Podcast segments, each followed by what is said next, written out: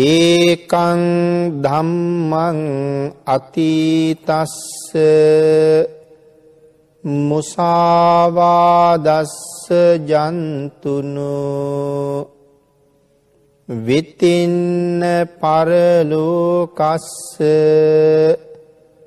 නත්ති පාපං අකාරියං පිනතින අද මේ උතුම් ධර්ම දේශනාවේ මාතෘකාව හැටියට යොදාගත්ත ගාථාරත්නයයි අපි මුලින් සිහිපත් කරන්නට යෙදනේ. ඒකං දම්මං අතීතස්ස මුසාවා දස්ස ජන්තුනු විතින්න පරලෝකස්ස නත්ති පාපං අකාරියන්. මේ ගාථාරත්නයේ සඳහන් වෙන්නේ ධම්ම පද පාලියේ. මුසාවාදය පිළිබඳව තමයි කරුණු දක්වලා තියෙන්නේ. විශේෂයෙන් කිංචි මානවිකාව නිරේට ගියපු කාරණාව පදනම් කරගෙන දේශනා වුණ ගාථාරත්නයක්.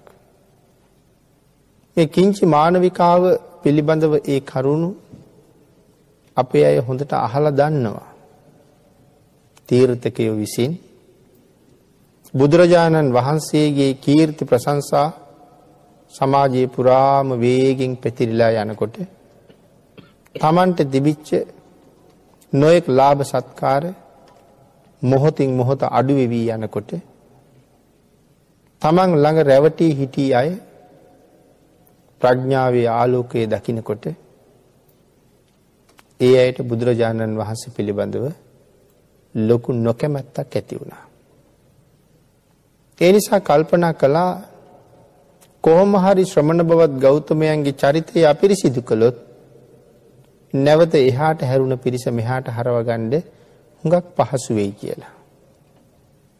ඒකට සුදුසුම කෙනා ඒගොල්ලු නිත නිරන්තරයෙන් හෙව්වා.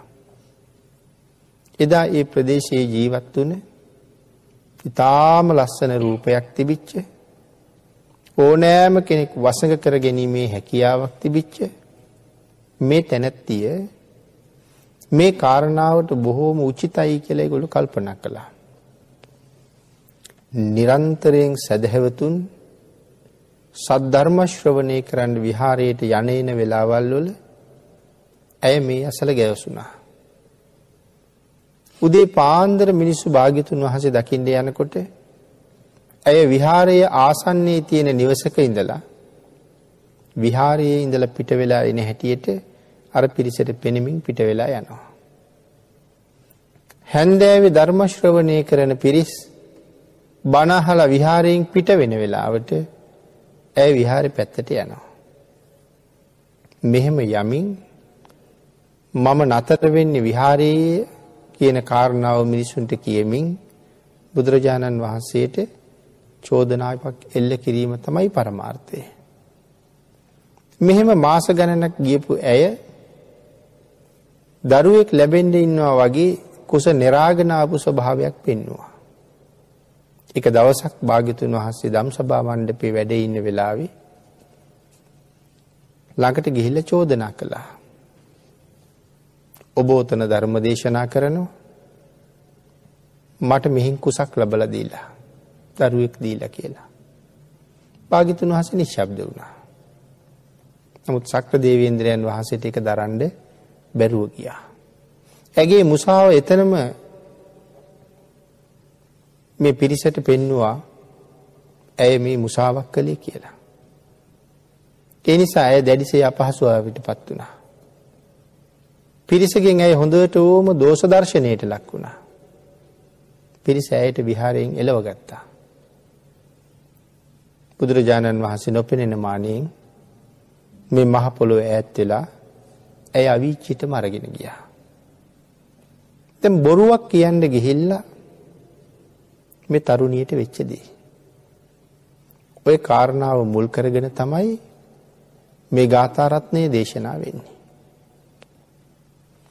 අපේ බුදුරජාණන් වහන්සේ වසඟ කරන්න එවන් අයට කොහොමුවත් බැරි බව හැබැයි ශ්‍රද්ධාවන්තයෝ හැබෑ ප්‍රඥාවන්තයෝ හොඳටම දන්නව වුණාට සව් කෙලෙස් නසාපු බුදු කෙනෙක් මෙවන් කෙලෙස් දිහා නොබලන බව ඒ කරුණ පිළිබඳව දන්න කෙනෙක් තමයි දන්නේ. මේ තීර්ථකයන්ට එහෙම අවබෝධයක් තිබුණේ නැහැ. අපේ අයට මතක ඇති ලෞතුරා බුද්ධත්වයෙන් පස්වෙනි සතියේ අජපාල රුක්ෂමූලයේ බුදුරජාණන් වහන්සේ වැඩ ඉන්න වෙලාවේ. මාරය මහපාරි ඉරි ඇඳ ඇඳ හිටිය. මොකද එදා සිද්ධාර්ථ ගෞතමයන් වහන්සේ ගිහිගේ අභිනිෂ්ක්‍රමණය කරලා යන වෙලාවෙම මාරයා සෑහෙන උත්සාහයක යෙදුන අපහු ගිහි ගෙදර නවත්තන්ට. නමුත් මාරයට සඳහන් කලා නෑ. තව දවස් හතකින් ලැබෙන සක්විති රජකමට වඩා මට බුද්ධරාජ්‍ය වටිනවා. මාරය තීරණය කලා කමක් නෑ. හැබැයි ඔබෙන් රාග සහිත දේශ සහිත සිතුවිලි මාත්‍රයක්වත් මම දැක්කොත් එදාට මම බලාගන්නවා කියලා. අවුරුදු හයක් බෝසතාණන් වහන්සගේ පිටි පස්සෙන්ම හිටියා රාග සහිත සිතුවිලි මාත්‍රයක්වත් දැකගන්න බැරි වුණා. ලොවතුරා බුදු බවට පත්වනාට පස්සෙ කල්පනා කළා කෙලෙස් සහිත සිද්ධාර්ථ කුමාරයාගෙන් මට රාගසිතක් දැකගණ්ඩ බැරි වුණා නං මගේ විෂයපතේ ඉක්මෝපු උන්වහන්සගෙන් කවදාවත් මට රාගසිත් දකිින්ට ලැබෙන්නේ ලැබෙන්නේ නෑ. එනිසා මන් දැම් පරාදයි.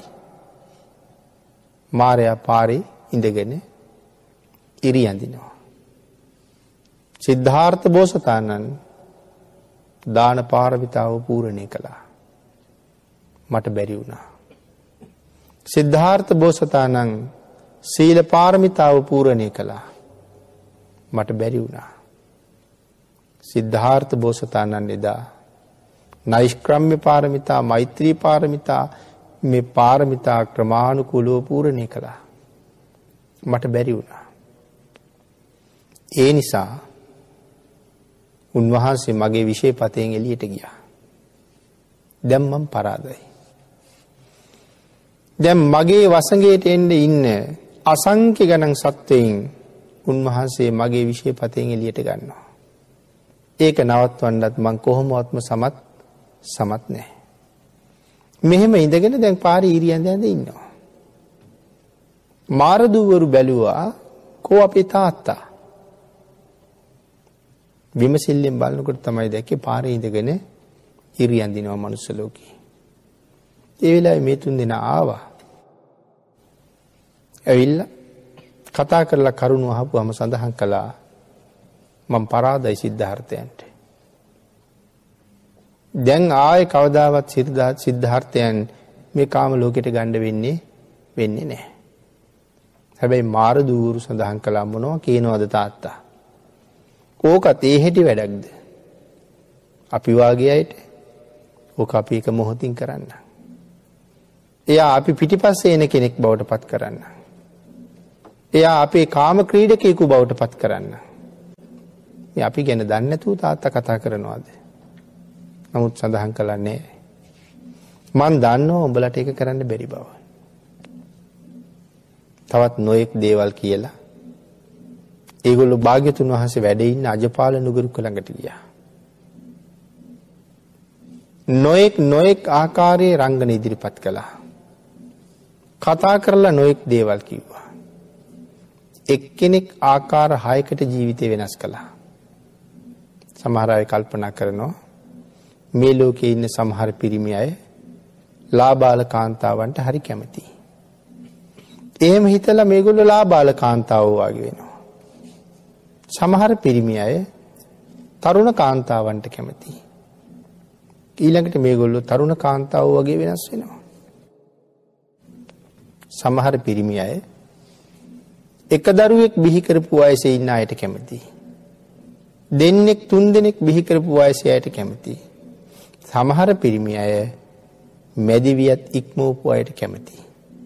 ආං එහෙම හිත හිත තමන්ගේ ස්වභාවය ඒ ඒ ආකාරයට වෙනස් කර කර උත්සාහ කළා. නමුත් ඒගොල්ලන්ට ඒක කරන්න බැරුව ගියා. එහෙම බැරි වුණා නම් මේ කිංචි මානවිකාවට ඕක කරන්න කවදාවත් බැහැ. ඒක ලෝක ධාතුවේ වෙන්නේ නැති වැඩක්. නමුත් තීර්ථකයන්ට අහුවෙච්ච නිසා අපි මේ කතා කරන මොහොතෙත් ඇය අවීචී දුක් විඳිනවා. නමුත් ඇය ඒ සඳහා මුසාව හරියට පාවිච්චි කළා. ආන්ගේ මුසාවේ ආදීනව තමයි මේ ගාථාවෙන් මේ සඳහන් කරන්නේ. අතීතයේ ඉඳලා තිබිච්ච බොහොම භයානක පාප කර්මයක්. නිරන්තරයෙන් පන්සිල් ආරක්ෂා කරන්න භාග්‍යතුන් වහන්සේ අපිට අවසර දෙනවා. සාමාන්‍යයෙන් අපේ සමාජයේ ඉන්න අය පන්සිල් රැකින්න වීරිය වඩන බවක් අපි නොදකිනව නෙමෙයි. කාලයක් මිනිස්සු කිව්වා ප්‍රාණඝාතයෙන් වළකින්න බෑ. ලොකු ලොකු සත්තු මැරුවේ නැති වුණාට තාම මේ මදුරුවාගේ සත්තු දැක්කහම ඉබේම ගැහෙනවනි වාගේ කියලා අපි කියනවා. කොහොම කොහොම හරි එකත් හදාගත්තා.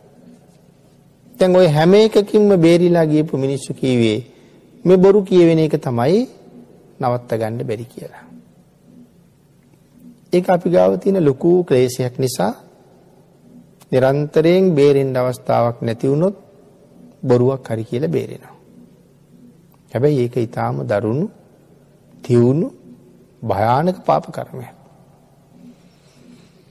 ඒ නිසා ධර්මයේ සඳහන් කළා මුසාවේ ආදීනව දන්නවනම් යම් කෙනෙක් ආදීනව දන්න අය මුසා කියන්නේ යන්නේ නැහැ. නමුත් පුංචි කාරණාවක් නිසා හරි මුසාවක් කියන්නේ බය නැතුව සැක නැතුව එළඹෙන්නේ ආදීනව දන්නේ නැති හින්දා. ඒ මුසාවේ ආදීනව ගණනාවක් ධර්මයේ සඳහන් කරනවා. ඒ අතර පැහැදිලි කරනවා සිය දහස් ගණන් ජාතිවල නොකල වරදට අහුවෙලා නින්දාල බණ්ඩ සිද්ධ වෙනවා. උසාව නිසා අනාගතයේ ඉපදෙන පසු ජීවිත දහස් ගණන්වල අපි කවදාවත්ම කරපු නැති වරදකට අපි භාජනය වෙනවා. මම ඒ වරද කෙරුවේ නෑ කියලා සමාජයට කිවට සමාජයයි පිළිගන්නේ පිළිගන්නේ නෑ. ඒ නිසා නොයෙක් නින්දා විදින්න විඳින්ට සිද්ධ වෙනවා. ඒ තත්ත්කට එදා භාජනය වුණොත් සමහරලාට එදාට ඉන්න අපේ දරුව මල්ලූ ස්වාමි භාරියාවෝ දෙමව්පියෝ මේ සියලු දෙනාමත් ඔය කාරණාවෙන් යං අපස්ථාවයකට පත්වෙන ඔය මුසාවිතියෙන එක ආදීනවයක්. ඊළඟට සඳහන් කරනවා අඥ්ඥාන පුද්ගලය වෙලා ඉපදෙනවා කියලා. යමක්කමක් තේරෙන්නේවාගේ ඔහේ ජීවත්වෙන පුද්ගලය වෙනවා. දීන වෙනවා කියලා සඳහන් කළා. ඉතින් නින්දිත වූ පුද්ගලයන් බවට පත් වෙලා ජීවත් වෙන්න සිද්ධ වෙනවා. මේ මේ ජීවිතේ බොරු කියාම ඊළඟට සංසාරේ අපිට හම්බ වෙන දේවල්. මේ ජීවිතෙන් අපි කවදාවත් කැමති නෑ මෙහෙම ඉන්නකොට එක්ක ස්ත්‍රී දූෂකයෙක් කියලා කවුරු හරි අපිට නිඳා කරනවට. නැත්තම් මහා වංචාකාරයෙක් කියලා කවුරු හරි අපිට නිඳා කරනවට. එහෙම නැත්තම් මහ ලොකු අපරාධයක් කරපු මිනිහෙක් හැටියට නිඳා කරනවට අපි කවදාවත් කැමති කැමති නෑ. අපි කියනවා මං කොහොමද පාරේ බහින්නේ? මගේ දරුවෝ කොහොමද පාරට බහින්නේ? ඒගොල්ලන්ගේ ආත්ම ගෞරවය මොකද්ද? මේ අහවල් වංචාකාරයාගේ දරුවා නේද කියලා රැකියාවක් ගන්න ගියපු තැන, විශ්වවිද්‍යාලයට ගියපු තැන වෙනත් සැලකිය යුතු තැනකට ගියපුවාම ඒගොල්ලන්ට කොයි වාගේ අපහසුතාවයන්ට පත් වෙන්න වෙනවද? මිනිස්සු අද කතා කරනවා ඇහෙනවා. මෙහෙම ජීවත් වෙනවට වඩා ජීවිතේ නැති කරගන්න එක හොඳයි. නමුත් මේ වෙලා තියෙන්නේ මමම පෙර කරපු අකුසල කර්මයක් මගේ පිටිපස්සෙන් එනවා. අද ඊටාම සුළුවෙන් තකාපු මේ මුසාවාදී ආදීනව තමයි මේ දකින්න තියෙන්නේ. ඊළඟට සඳහන් කළා ගොළු වෙලා ඉපදෙනවා කියලා. වචන කතා කරන්න බැරුව යනවා. සමහර අය වචන පිට කරනවා ගොත වෙනවා. එක වචන තුන් හතර පාර කියවිලා තමයි වචනේ පිට වෙන්නේ. සමහර අය ගොළු වෙනවා, සමහර අය ගොත වෙනවා. අමිහිරි කටහඬ ඇති පුජ්‍යලිය බවට පත් වෙනවා. කවුරුවත් ඒ හඬට ප්‍රිය කරන්නේ නැහැ. ඒක හරි අමිහිරි. මේ මුසාවාදේ ආදීනවයි. ඊළඟට සඳහන් කළා මුඛ රෝග හරි බහුලයි අයට කියලා. මුකේ දත් පිහිටනකොට හරි අපිලිවලට පිහිටනවා. පිළිවෙල බවක් නැතුව අපිළිවලට දත් පිහිටනවා. ඊළඟට සඳහන් කරනවා එවන් අයට සංසාරේ දරු සම්පත් හරි අඩුයි කියලා. දරුව නොලැබී යනවා. ලැබුණොත් ඒ අයත් අකීකරු වෙනවා. ඒ ලැබෙන අයත් ගැහැණු දරුවෝම වෙනවා ඒ අය අකීකරු වෙනවා කියලා සඳහන් කරනවා.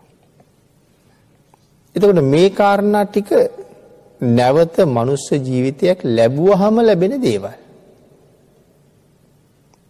ඊළඟ විපාකයක් හැටියට නිරයේ උපත අනිවාර්ය උපතක් වෙනවා.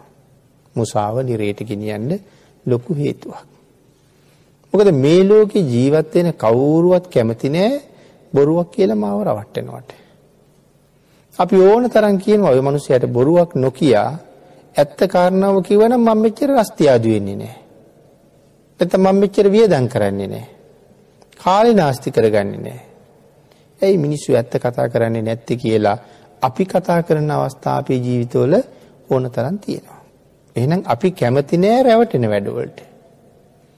හැබැයි මම කුමන හේතුවක් නිසා හරි තව කෙනෙකුට යමක් කියනකොට මට මතක් වෙන්න ඕනේ මම වගේම එයත් රැවටෙන්න කැමති කැමති නෑ කියලා. දිවි හිමියෙන් කියලා කිව්වේ ඒකයි.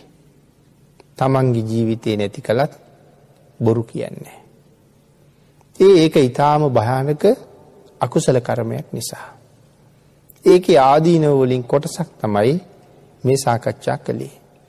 එතකොට මේ ආදීනව අපේ ඇස්පනා පිටම මේ සමාජයේ භුක්ති විඳින අය අපි ඕන තරම් දකිනවා.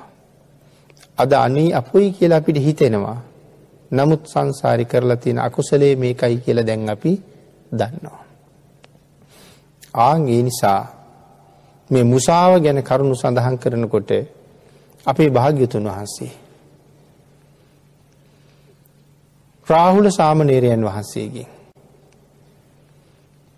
උන්වහන්සේගෙන් කොහොමවත් මුසාවක් කියවෙන්න ඉඩ තිබ්බේ ඉඩ තිබ්බේ නැහැ.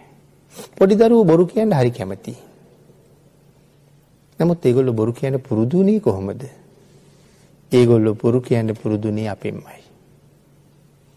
අම්මා චූටි කාලේ මේගොල්ලන්ට බොරු කියනවා. ටික කාලයක් යනකොට දරුවා දැනගන්නවා අම්මා කියන්නේ බොරු කියලා. අපි දරුවෝ නලවන්න වෙච්චාමත් බොරු කියනවා. කාලයක් කිව්වා ගෝනි බිල්ලෝ එනවා කියලා. තව කාලයක් කිව්වා යක්කු වෙනවා කියලා. ඉතින් මෙයා ටික දවසක් බලාගෙන ඉන්නවා එනකන්. ඊට පස්සේ දන්නවා ඒ බිල්ල කවදාවත් එන්නේ එන්නේ නැහැ.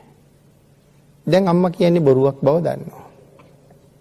ඊළඟට එයත් අම්මට බොරුවක් කියනවා. එහෙම එහෙම අපි නිසාම ඒගොල්ලෝ බොරු කියන්න පටන් ගන්නවා. හැබැයි අපි සත්පුරුෂ වෙලා නැහැ. අපෙන්ම ඒගොල්ලෝ බොරු ඉගෙන ගත්තා.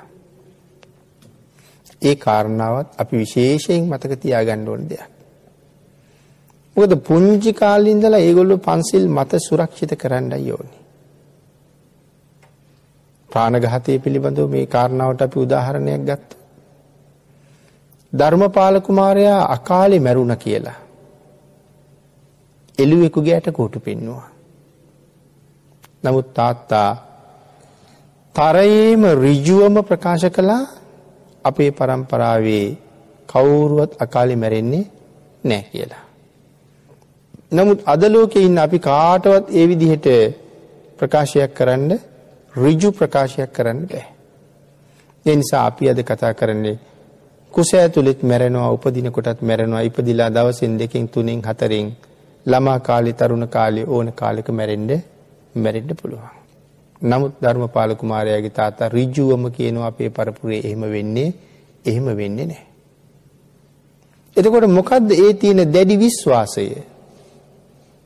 ආන් ඒ විශ්වාසය තමයි පරම්පරා ගණනාවක් තිස්සේ තමන්ගේ දරුවන්ගෙන්වත් ප්‍රාණඝාතයක් වෙන්න දීලා නැහැ. පුංචි ළමයි හරි කැමති කූඹියෙක් දැක්කත් මරනවා. මොන හෝ සතෙක් තමන් ගාවින් යනවා දැක්කොත් එයා හරි කැමති ගහන්න. එහෙනම් අපි සත්පුරුෂ වෙලා පුංචි අවදියේ ඉඳලා එයාට කරුණු පෙන්නලා එයා ඒකෙන් වළක්වන වැඩපිළිවෙලකටම යන්න ඕනේ. පුතේ ඔයාගේ අම්මා ඔයාට නැති වුණොත් ඔයාට කොච්චර දුක හිතෙනවද? ඔයා ගහන්න හදන මේ කැරපොතු අම්මටත් ඉන්නවා දරුවෝ ටිකක්. ඔයා ඒ අම්මා මරලා දැම්මොත් එහෙනම් එයාගේ දරුවන්ට කොච්චර දුක හිතෙයිද? මේ මේ විදිහට කරුණු කියලා ඒගොල්ලන්ගේ හිත ඇතුලේ අනුකම්පාව උපද්දවලා ප්‍රාණඝාතයට බය කරන්න ඕනේ. එහෙනම් මුසාවටත් ඒ විදිහටම කතා කරන්න ඕනේ. මේ සිල්පද පහම සුරක්ෂිත කරවන තැනට ඒ විදිහට ගෙනියන්න ඕනේ. දැන් අර දරුවා තමන්ගේ අම්මට තියෙන ආදරේ නිසා මම මගේ අම්මට ආදරෙයි වගේම මේ කැරපොත්තගේ දරුවෝ ඒ අම්මට ආදරෙයි. ඒ නිසා එයා ඒකෙන් වැළකුණා. දැන් එතකොට අපේ දරුවා ප්‍රාණඝාත වලින් වැළකීලා ඉන්නවා අපෙන් ගත්ත ආදර්ශය එයා දවසක එයාගේ දරුවන්ටත් කියලා දෙනවා ආන් එහෙම પરම්පරා ගණනාවක් ප්‍රාණඝාතයෙන් වැළකීගෙන වැළකීගෙන යනකොට එහෙම තමයි අර ආත්ම විශ්වාසයේ ගොඩ නැගුණේ අපේ પરම්පරාවේ කවදාවත් අකාලේ මැරෙන්නේ නැහැ කියලා. එහෙනම් මේ සිල්පද පහ ගැනම අපි ඔතෙන්ට එකතු කරන්න ඕනේ ওই විදිහට. අපේ බුදුරජාණන් වහන්සේ එක දවසක් විවේකීව වැඩ ඉන්න වෙලාවක රාහුල ස්වාමීන් වහන්සේ හොයාගෙන වැඩම කළා. මේක මේ රාහුල වාද සූත්‍රයේ සඳහන් වෙන්නේ. මුසාව කොයිතරම් දීන ක්‍රියාවක්ද. ඒ හින්දා රාහුල පොඩි හාමුදුරන්ගේ අතින් කිසිසේත් මුසාවක් නොකිය වෙන්න වග බලාගන්න මේ කරුණු දේශනා කළා. ඒක අන් අයට මහා ආදර්ශයක් වෙන නිසා. රාහුලයන් වහන්සේ කියලා කියන අප්‍රමාණ පුණ්‍යවන්තයෙක්. නමුත් අන් අයට ඒ ආදර්ශය යන්න ඕනේ. බුදු පියාණන් වහන්සේගේ සිරිපා ධාතුව සෝදන්න පෑන් තියලා තිබ්බා. ශ්‍රීපා ධාතුව සේදුවාට පස්සේ වතුර ටිකක් ඒ භාජනයේ ඉතුරු කෙරෙව්වා. රාහුල ස්වාමීන් වහන්සේගෙන් අහනවා රාහුල මේ භාජනයේ දැන් පැන් කොච්චර තියෙනවද? ස්වාමීනි බොහොම බොහෝම ඇබිත්තක් තියෙනවා. රාහුල බොරු කියන්න පුජ්‍යලයාගේ මහානකමත් ඔය වාගේ බොහොම චුට්ටයි. ඊළඟට බුදුරජාණන් වහන්සේ රාහුල ස්වාමීන් වහන්සේට සඳහන් කළා රාහුල ඔය ඉතුරු වෙලා තියෙන චුට්ටත් විසි කරන්න. දැන් භාජනය හිස්. රාහුල දැන්ගේ වතුර ටික විසික්කා. බොරු කියන්න ලැජ්ජ නැති පැවිද්දගේ පැවිද්දත් විසික් කරපු එකක් වාගේ. ඊට පස්සේ භාග්‍යතුන් වහන්සේ සඳහන් කළා රාහුල ඔය භාජනී මුණින් හරවලා තියන්න. මුණින් හැරෙව්වා. ඊළඟට භාග්‍යතුන් වහන්සේ සඳහන් කරනවා රාහුල බොරු කියන පැවිද්දගේ මහානකම මුණින් පෙරලපු එකක් වාගේ. නැවත භාග්‍යතුන් වහන්සේ උපදෙස් දෙනවා රාහුල දැන් ඕක අනිත් පැත්ත හරවන්න ආයේ. දැන් භාජනෙ මොකවත් නැහැ හිස්. රාහුල බොරු කියන පැවිද්දගේ මහානකම නිකම්ම නිකන් හිස් එකක්. එතන මහානකමක් නැහැ. නමක් විතරක් තියෙනවා. මේ මේ කාරණා හතර උපමාවෙන් පෙන්නලා උන් මේ අපූරු දේශනාවක් භාග්‍යතුන් වහන්සේ කළා. අම්බලට්ටික රාහුලෝවාද සූත්‍රයේ. එනම් බොරුවෙන් වලක්වන්න භාග්‍යතුන් වහන්සේ කටයුතු යොදලා තියෙන උපායවල යොදලා තියෙන හැටි. ඊළඟට මේ බොරුවෙන් වැළකීලා සත්‍ය වචනේ භාවිතා කරන්න පුළුවන් නම් මේ ලෝකේ සත්‍යයට කොයි තරම්නම් හැකියාවක් ශක්තියක් තියෙනවද? අපේ ජාතක පාළියේ තියෙනවා කන්හ දීපායන කියලා ජාතක කතාවක්. අපේ බෝසතාණන් වහන්සේ දීපායන කියලා සිටුවරයෙක් වෙලා ඉපදිලා හිටියා. 80 කෝටියක ධනෙ තිබුණා. මව්පිය પરම්පරාවෙන් හම්බෙලා. ඒ සියලු ධනස්කන්ධයන් දන් දුන්නා. දන් දීලා වනාන්තරයට ගිහිල්ලා ඍෂි ප්‍රෞජාවෙන් පැවිදි වෙලා හිටියා. උන්වහන්සට ඒ කාලේ මණ්ඩව්‍ය කියලා යාළුවෙක් හිටියා. එයත් ලොකූ දැනවතික්. මේ මණ්ඩව්‍ය යාළුවා පැවිදිවෙච්ච තමන්ගේ මිත්‍රයට පන්සලක් හදල දුන්නා. තැන් දීපායන රිෂිවරයා ඒ පන්සලේ ඉඳගෙන ගුණ ධර්ම පුරනවා. එක දවසක් මණ්ඩව්‍ය තමන්ගේ බිරිඳත් අඩගහගෙන එයට පුතෙක් හිටියා යං්ඥ දත්ත කියලා. එයත් අඩගහගෙන ෘෂිවරය බලන්ට ගියා. අම්මයි තාත්තයි තාපසතුමත් එක කතා කර කර හිටියා. තාපසතුමාගේ සක්මනී අර දරුව සෙල්ලං කර කර හිටියා. සක්මන කෙරවලේ තිබුණ හුබහක්. මෙයාගේ අතේ තිබුණ සෙල්ලං කරන බෝලයක් අර හුඹහට වැටුණා. ඔය හුඹහි සරපෙක්කින්නවා. මේ ළමය එක දන්නේ නෑ. ළමය බෝලි ගණ්ඩ අතදානකොට සරපයා දෂ්ට කළා. එයා සිහිමූර්ජා වෙලා වැටුණා. ටික වෙලාවක තමයි මව්පියෝ ඒ සිද්ධිය දැක්කේ. දෙන්නම දුවගෙන ගිහිල්ලා දරුව උස්සගෙන ඇවිල්ලා තාපසතුමාට කියනවා පැවිද්දෝ බොහෝම බෙහෙත් දන්නවා. හොඳට වෙදකන් දන්නවා. මන්ත ශාස්ත්‍ර දන්නවා. අනේ දරුව සුවපත් කරලා දෙන්න. තාපසතුමා කියනවා මම මහන වනේ වෙදකං කරන්න නෙමෙයි. මම මහන වනේ සසර සුවපත් කරගන්න. මන් දන්න වෙදකමකුත් නෑ මන්දන්න මන්තරීකුත් නෑ. ඊට පස් සඳහන් කළා ඔබවහන්සේ යම් සීලයක් ආරක්ෂා කරනවා. එයින් සත්‍යයක් ක්‍රියාවක් කරලා හරි අපේ දරුව බේරල දෙන්න කියලා. දැ මේ කතාවේ බොහොම ගැඹුරු සත්‍යයක් තියෙනවා. හැබැයි මේ කතාවට සම්බන්ධ මේ සියලු දෙනාම පරම සත්‍යයම භාවිතා කරනවා.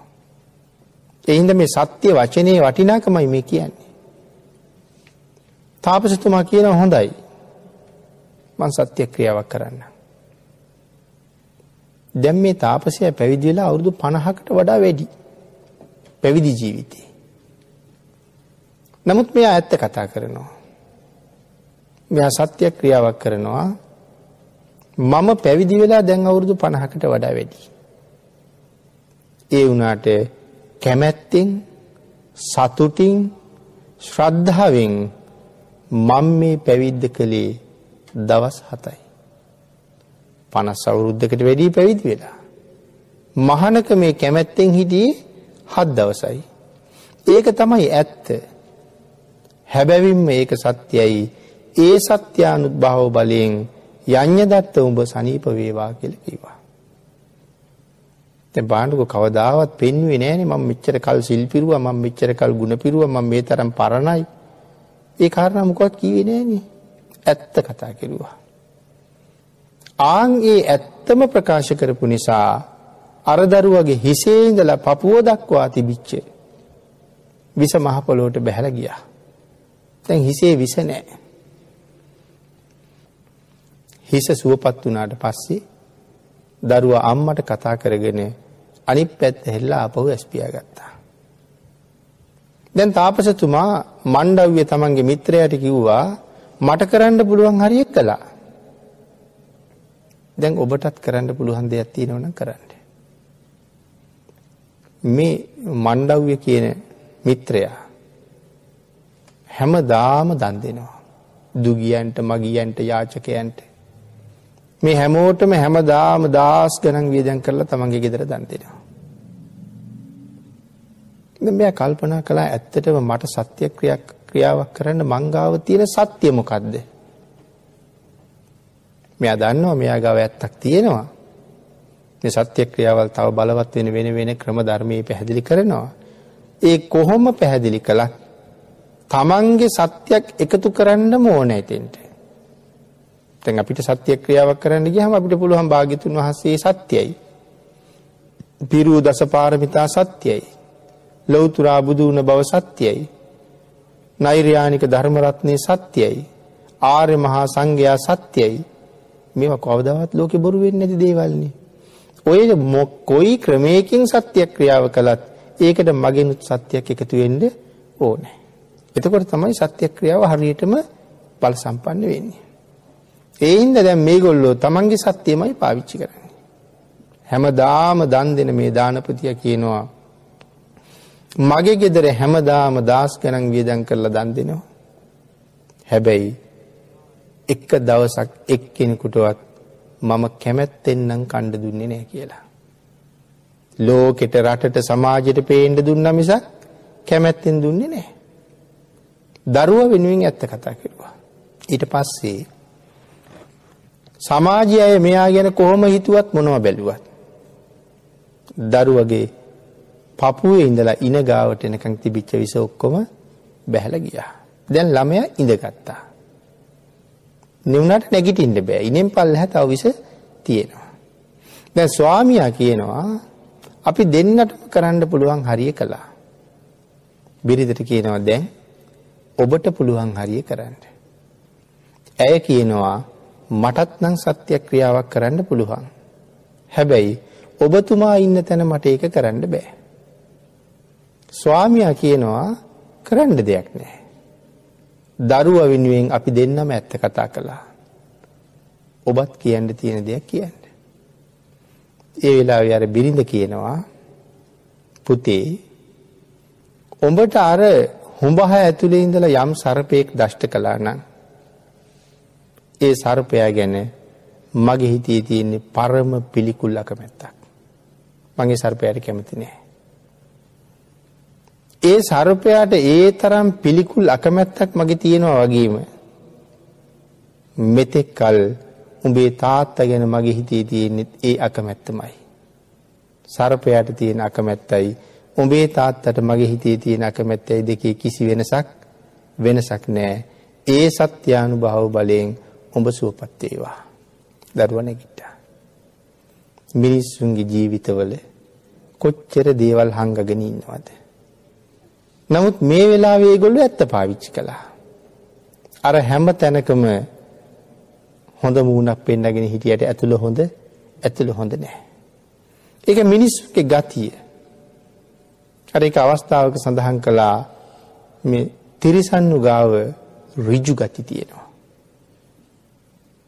අර සුනකෙක් දිවිය ලෝකෙ ගියපු කතාවක මේක තියෙන්නේ. ඒකත් ධම්මපද පාළියේමයි.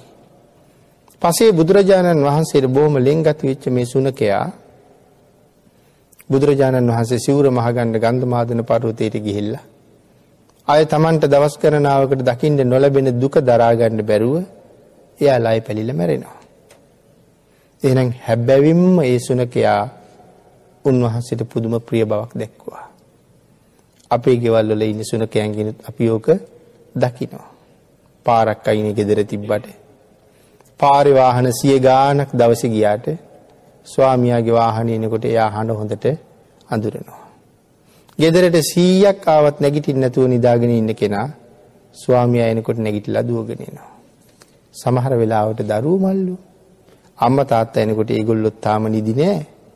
නමුත් නිදි වගේ ඉන්නවා. පස්සේ ඇවිල්ල කියන උගොල්ලො කීයට දාවේ අපි සෑහෙන වෙලාවක් බලාන හිටිය ඒ කියන්නේ ඇත්ත ඇත්ත නෙමේ. නමුත් මේ සුනකයා පාන්දර අපිනේ දෙකටද තුනටද දහයටද දොළහටද යනගිටලා ළඟ. එනම් මේ සත්තු ගාව ඇද නැති රිජු ගුණ තියෙනවා. මිනිස්සු එකක් හංගගෙන එකක් කියනවා. එනම් මේ කතාවෙන් කීවෙත් ස්වාමියා එක බොහෝම ප්‍රියයි වගේ ඇය මෙච්චර කල් ජීවත් වුණා. ස්වාමයා ලෝකෙට පේන්න මේ තරන් දන් දුන්නා. අර රිෂිවරයා පනස් අවුරුද්ධකට වඩා වැඩි කාලයක් පැවිද්ද පිරුවා. නමුත් සියලු දෙනාගේම ඇත්ත මෙතන කතා කළා. නමුත් ඇත්තට කොච්චර බලයක් තියෙනවද. ආංගේ බලය ශක්තිය නිසා කෙනෙකුගේ ජීවිතය පවා සුවපත් කරන්න හැකියාවක් තිබුණ නිසා මේ උතුම් කාරණාවලින් පැහැදිලි කරන්නේ සත්‍ය වචනයට කවදාවත් පිටු පාණ්ඩ පිටු පාණ්ඩ එපා කියලා. එක කරුණක් ධර්මයේ සඳහන් කරනවා සත්‍යයේ ආනිසංස ප්‍රකාශ කරන තැනක ඒකේචි මේ අත්ති රසා පතව්‍යා සච්චං තේසං සාදු තරං රසානං සච්චේ ටිතා සමන බ්‍රාහ්මනාචය තරන්ති ජාති මරණස්ස පාරං මේ පොළොවෙහි යම් පමණ රසයක් ඇද්ද ඒ රසයන්ගෙන් සත්‍ය රසය හොඳම රසයයි.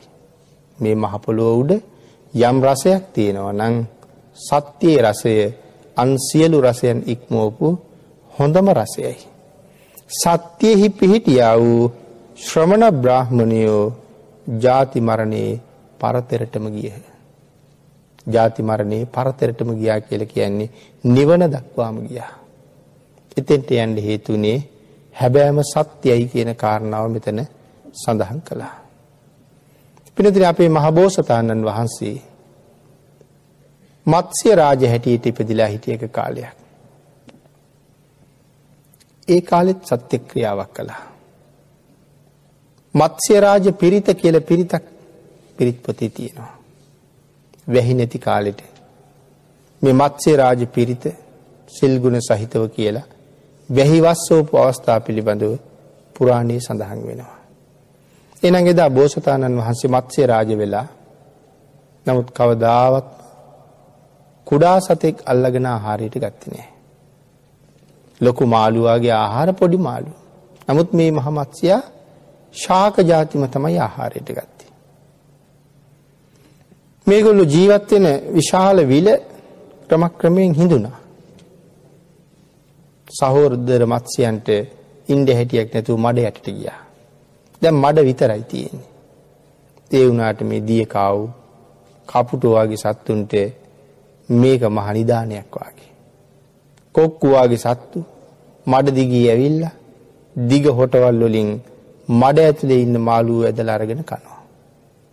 මේක දරාගණ්ඩ බැරුව ගියා මත්ස්‍යරාජයට.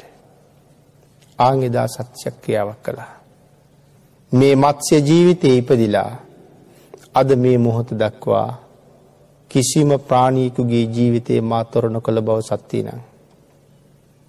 ධාරානිපාත වැහි වරුසායද හැලින්ඩ ඕන කියලා. සඳහන් කරනවා මේ කාරණාවින් දෙවියන්ට කතා කලා කියලා එම්බා පජ්ජුන්න දෙවියනී වහවා වැස්ස ලබා දෙන්න කියලා. වැස්ස වල්ලාහක දෙවියු මේ සත්‍ය ප්‍රකාශය දරාගන්න බැරුව වැහි වලා නැමති සලුවක් ඇදලාරගෙන ගොරෝමින් විදුලි කොටමින් ධාරානි පාත වරුසායද හැලුව කියලා සඳහන් වෙනවා. මේ සත්‍ය වචනයක තියෙන මහ බලය. හාරිත තාපසතුමාගේ කතාව අපේ අයි හොඳට අහල ඇති. ඒත් බෝසතාණන් වහන්සේ. මේ සත්‍යයක වටිනාකම සඳහන් කරන්නයි මේ උපමා මේ තරම් සඳහන් කළේ. අපේ බෝසතාණන් වහසක කාලෙක හාරිත තාපස නමින් ඉපදුනා. හිමාල ප්‍රදේශය තමයි හිටිය අහසින් තමයි යන්නේ. ඔය හිමාලිවාගේ ඉන්න තාපසවරු ලුණුවැඹුල් හොයාගෙන කාලෙකට ගමට එනවා. විශේෂයෙන් ඔය වස් කාලය ආසන්න වෙනකොට. වස් වසන්ට තැන් හොයාගෙන. ප්‍රදේශයේ රජ්ජුරුවන්ගේ අඹවුවෙන හිටිය රජ්ජුරුව තාපසතුමාට පුදුම විදිහට ලෙංගත වුණා. රජ්ජුරුවන්ට ප්‍රත්‍යන්ත දේශයක යුද්ධකට යන්න වුණා. තමන්ගේ බිරිඳට කතා කරලා කිව්ව රජදේවියට තාපසතුමාගේ දානවේල සේවකයෝ හදන එකෙන් දෙන්න එපා. එක උඹ හදන්න ඕනේ. තරං ආදරී තාපසතුමාට. ඉතින් බිරිඳ හැමදාම රජදේවිය තාපසතුමාගේ කෑම හදනවා. එක දවසක් කෑම වේල හදාගෙන බලාගෙන හිටිය එන්ඩ වෙලා ගියා. ඇයි නාගන ඇවිල්ල දුහුල් සලුවක් ඇගේ දාගෙන මාලිගාවේ ඇය ඉන්න ප්‍රදේශයේ දොරවල් ටික වහලා එක ජනේලයක් විතරක් ඇරිය තාපසතුමා එනවා නම් පේන්ඩ. එතන තිබිච්ච යහනක නිදාගත්තා. තාපසතුමා අහසින්මයි යාවේ. අර රල්ලු සිවුර අහසේනකොට හුළ ගයනවා. ඒ සිවුරේ හඬ ඇහිල්ලා දේවී ඒක පාරම නැගිට්ටා නමුත් තාපසතුමා වෙනකොට ජනේලෙ ළඟ. ඇයි නැගිටිනකොටම සලුව බිම වැටුණ. ස්ත්‍රී අඟ පසඟ දැක්ක. සැඟවිලා තිබිච්ච රාගය ඇවිස්සුනා ඒ අය අතර රාගික ක්‍රියාවක යෙදුන. දානි වැළඳවා අහසිං ආපු තාපසතුමාට අය අහසිං යන්න බැරි වුණා පයින් ගියා. මිනිස්සු මේ කාරණාව ලියුම් වල ලියල රජ්ජිරුවන්ට ඇරියා. ඒ වුණට රජු කලබල උන්නේ. මොකද මිනිස්සුන්ගේ කාරණා රජ්ජිරුව පිළිගන්නෑ එත් තරම්ම තාපසතුමා විශ්වාසයි. යුද්ධ නිමා කරලා රජ්ජිරුව එනකොට කෙලින්ම මාලිගාවට ආවේ නෑ මේක හොයන්ට. රට වටේම ගිහිල තමන්ගේ ජනතාව මන් නැති කාලේ මොන මොන විදිහේ පීඩාවන්ට පත් වනාද කියල බැලුවා. ජනතාවගේ කරුණුත් බලාගෙන ඇවිල්ලා. බිරිඳගෙන් ඇහුව මෙහෙම කතාවක් මිනිස්සු මට කියලවල තිබ ඇත්තද. බිරිඳ ඇත්තම කිව්වා. එහෙමයි ස්වාමීනි සමාවෙන්ට. අපි ඇතින් එහෙම වරදක් වුණා. රජ්ජුරුව කොච්චර තාපසතුමාට කැමතිද බිරිඳ කීවත් පිළිගන්නේ නෑ. රජ්ජුරුවන්ගේ කල්පනාව මේ ඔක්කොම තාපසතුමා මගෙන් වෙන් කරන්නයි මේ වැඩ කරන්නේ. මං එක උන්වහන්සේගෙන් මහගන්නම් කියල ගියා. කඩුවත් අතේ තියෙන. රජෝරු හරි දරුණේ. අනික මේ සිද්ධිය හැම එකකටම වඩා භයානක ප්‍රකෝපකාරි සිද්ධිය. ඇහුව ගිහිල්ලා. කල්පනා කලා රජෝරු දරුණේ. කඩුවත් අතේ. ඔවු කීවොත් මගේ හිස දෙපළු කරයි.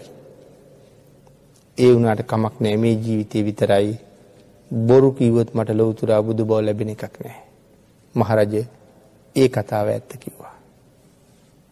රජ්ජිරු ඇහුවා ඔබ වහන්සේ මෙච්චර කල් දියුණු කරපු ප්‍රඥාවට මොකද වුණේ. සඳහන් කලා මහරජ රාගය කියන එක ඊට වඩා හරි දරුණුයි. යමෙක් රාගයෙන් වෙලුනොත් ඔහුට ඇස් පේන්නේ. ඒ හින්ද මමත් ඒ අනුවන ක්‍රියාවට ඇබ්බෙහි වුණා. රජ්ජුරු තව නොයෙක් නොයෙක් දේවල් කිව්ව කරුණු. මදක් ඉවසන්ඩ කියල කුටියට ගිහිල්ලා. කසින මණ්ඩලේ දිහා බලාගෙන දිහාන වඩලා අහසිම්ම රජ්ජුරුව ළඟටාව. මහරජය නොගැලපෙන තැනකට මමාවා. ඒ හින්ද මට වැරදුනා. ඇ කවදාවත් මනුස්ස පතේට එන්නේ. රජ්ජුරුව වැඳගෙන අඩාන්ඩා කියනවා ස්වාමීණී මඟ බොහන්සට මොකොත් කීවිනෑ මඟ බෝහන්සට චෝදනා කළේ නෑ මගේ බිරිඳගේ වචනවත් මං විශ්වාස කරන්නෙත් නැතුව බහන්සේ ගවටාවේ මම දාල යන්ඩිපා. නමුත් තාපසතුමා කියනවා නැහැ මහරජ මට ඉදිරියටත් වර්දින්න පුළුවන්. හිමාලෙට වැඩලා අපවත් වෙලා බඹලෝ ඉපදුනා. මේ කරුණු කාරණා තුළින් පෙන්වේ අද සමාජයේ කටට දිවට දැනෙන්නේ නැතුව හැරුණ හැරුණ අතට නිදහසක් බේරීමක් ඇති කියලා හිතාගෙන අපි අතින් එලියට යන මේ මුසාව. අපි හිතුවේ නැති වුණාට මේ අනවරාග්‍ර සංසාර සාගරයේ කොයි තරන් දුක්කන්දරාවන්ට සීමාවක් නැතුව අපි ගොදුරු කරන්න ඇද්ද. ඒ නිසා මයි ලොවතුරා බුදුවරු ලෝකෙ පහළ වෙලා මේ මුසාව කියන කාරණාව එකතු කරලා මෙසිල් පද අපිට දේශනා කළේ මුසාවින්ම වලකින්ට. ඒක හරි භයානකයි කියලා. එනම් අපි හරියටම භාගිතුන් වහසගේ වචනයට ගරු කරනවන්න මේක ලෝකවද්‍ය ශික්ෂාපදයක්. බුදු කෙනෙක් ලෝකෙ පහළ වුණත් නැතත් බොරු කියන අයට ඒක ආදීනව තියෙන එකයි ලෝකවද්‍ය කියල කියන්නේ. තව ශික්ෂාපද තියන ප්‍රඥප්ති වද්‍ය කෙලෙව භාගිතුන් හස පනුවපුවා. එනම් පන්සිල් පද පහ ලෝකාවද්‍යයි. ආන්ගේ මහසිල් පද ටික රැකගත්ත අය සතරපායෙන් නිදහස් වෙනවා. තෙරුවන් සරණ ගිහිල්ල මේ සිල් රැක්කාය මරණයෙන් මත්ති දෙව්ලෝ උපදිනවා. එවන් ආරක්ෂාවක් අපිට හදන මේ ශ්‍රේෂ්ඨ වූ උතුම් සිල් ආරක්ෂා කරගෙන තුනුරුවන්ට කීකරු වෙච්චාය. වහ වහා සසර මග සුවපත් කරගන්න බව පැහැදිලි කරන්නයි මේ කරුණු ටික මේ සරල කාරණා ටික ඔස්සේ පැහැදිලි කරන්නට යෙදුනේ.